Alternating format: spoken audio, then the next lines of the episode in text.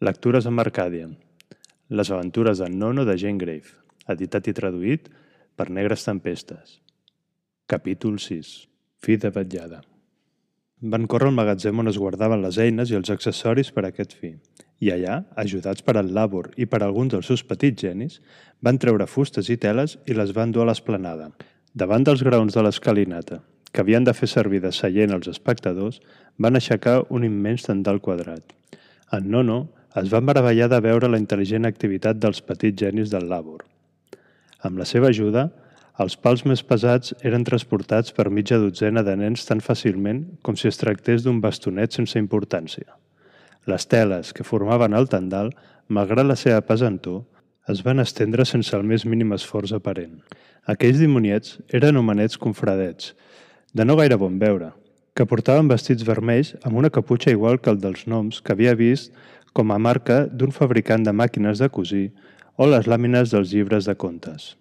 Eren àgils com micos, forts com bous, i, encara que d'aspecte lleig, estaven sempre alegres i amables i disposats a fer una broma per riure a costa del que prenien per beneit.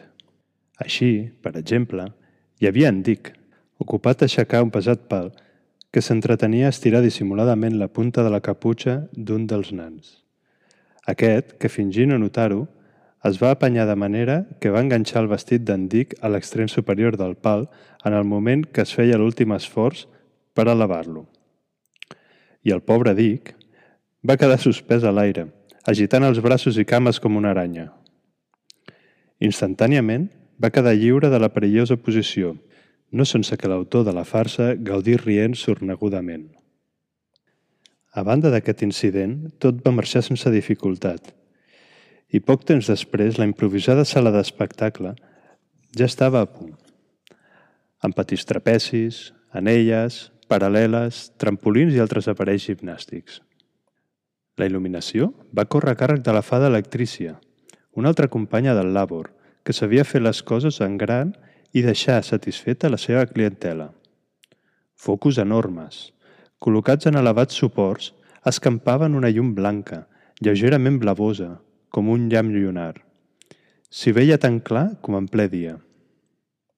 En Labor es va assegurar de la solidesa de les amarres i dels aparells i quan ho va haver trobat tot bé, va dir «Tot està bé i ferm. Ja poden venir els nostres artistes».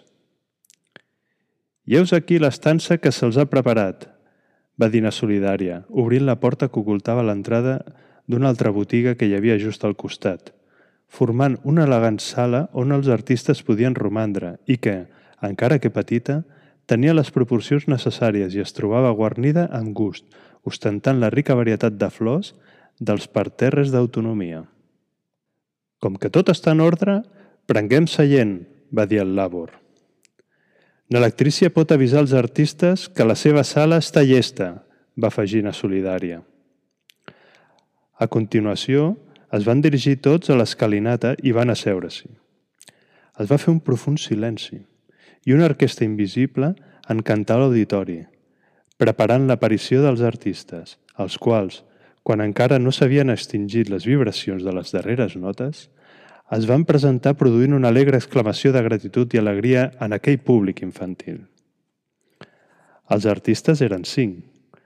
Quatre d'ells representaven perfectament unes granotes enormes de color verd amb tons i reflexos grocs, i el cinquè era un cap gros picaresc que accentuava la nota simpàtica de la companyia. Col·locats en línia davant de l'escalinata, els artistes van saludar l'assemblea – obrint una bocassa colossal i uns ullassos de la més marcada estupidesa, cosa que va produir una riada general a la concurrència. De seguida va adreçar-se als trapecis i les anelles i van desenvolupar una sèrie d'exercicis d'agilitat, força i gràcia. El cap gros, que era el clown de la companyia, repetia els exercicis de les granotes, però recarregant-los amb incidents còmics i fent-los tan ridículs i graciosos que es va guanyar principalment la simpatia del públic – i per a ell van ser els més grans i més entusiastes aplaudiments. Acabada una sèrie de contorsions, cabrioles, caigudes, suspensions atrevides, airoses o còmiques, els artistes van formar novament en línia i van saludar, mentre l'assemblea els tributava una ovació. Després, instantàniament, van desaparèixer els vestits de granotes i van aparèixer amb uns vestits senyits de color blau cel, amb brodats i finíssims llautons de plata, que els donaven l'aspecte de boniques papallones. I com que els joves espectadors van reconèixer cinc dels seus camarades que en secret els havien preparat aquella sorpresa, redoblaren els seus aplaudiments amb un entusiasme que tocava el deliri. Per la seva banda, els artistes impassibles saludaren i a les paral·leles es van lliurar a noves sèries d'exercicis diferents dels anteriors, però no menys graciosos i elegants, que van fer arribar al màxim l'admiració, l'alegria i l'entusiasme de la concurrència. La companyia va finalitzar l'espectacle, va saludar i es va retirar al saló de descans.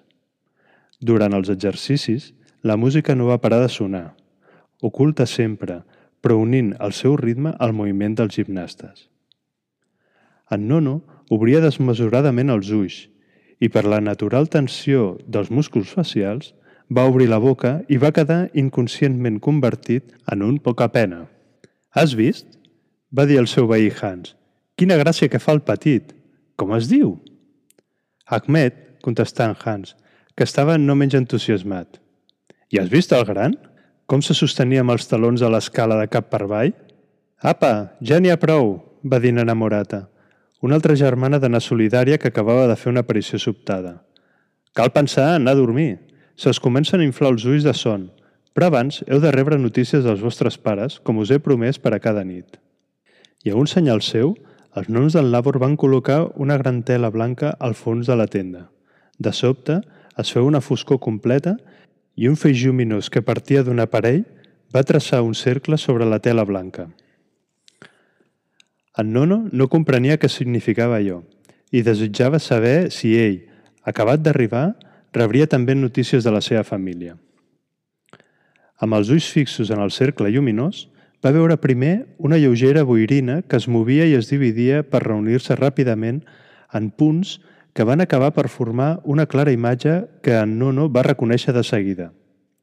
Era el menjador de casa seva, una porta entreoberta permetia veure una altra peça on el germà gran es preparava per anar a dormir. Assegut a la taula, al menjador, el pare llegia el diari. Nacendrina, a prop del pare, escrivia la seva lliçó de l'endemà i la mare cosia a l'altre extrem de la taula. Trucaren a la porta de l'habitació i la mare va anar a obrir.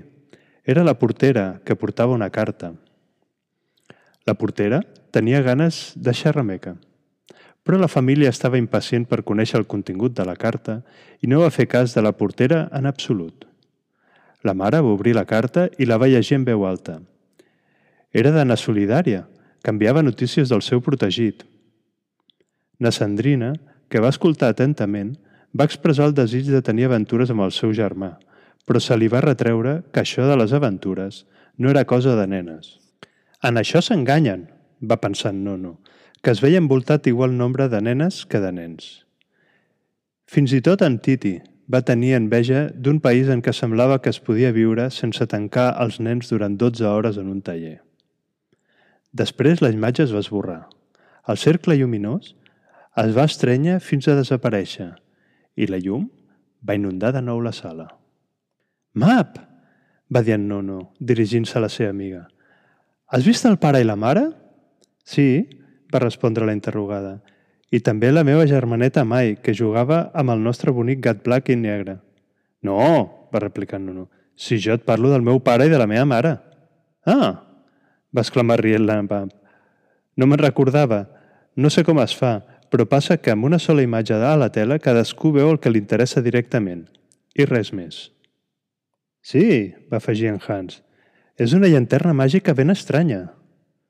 Tu has vist els teus pares, jo els meus, cadascú els seus, sense veure res del que els altres veien. En Nono quedà sorprès, però com que aquell dia havia vist coses tan fantàstiques, s'anava habituant a les coses extraordinàries, encara que sense perdre la facultat d'admirar-les. La minúscula població d'autonomia va pujar els graons de l'escalinata i en Nono, seguint els seus companys, es va trobar al peristil, on es va obrir una gran porta que donava accés a un vestíbul on hi havia diverses portes i una escala que manava als pisos superiors. «Vine!»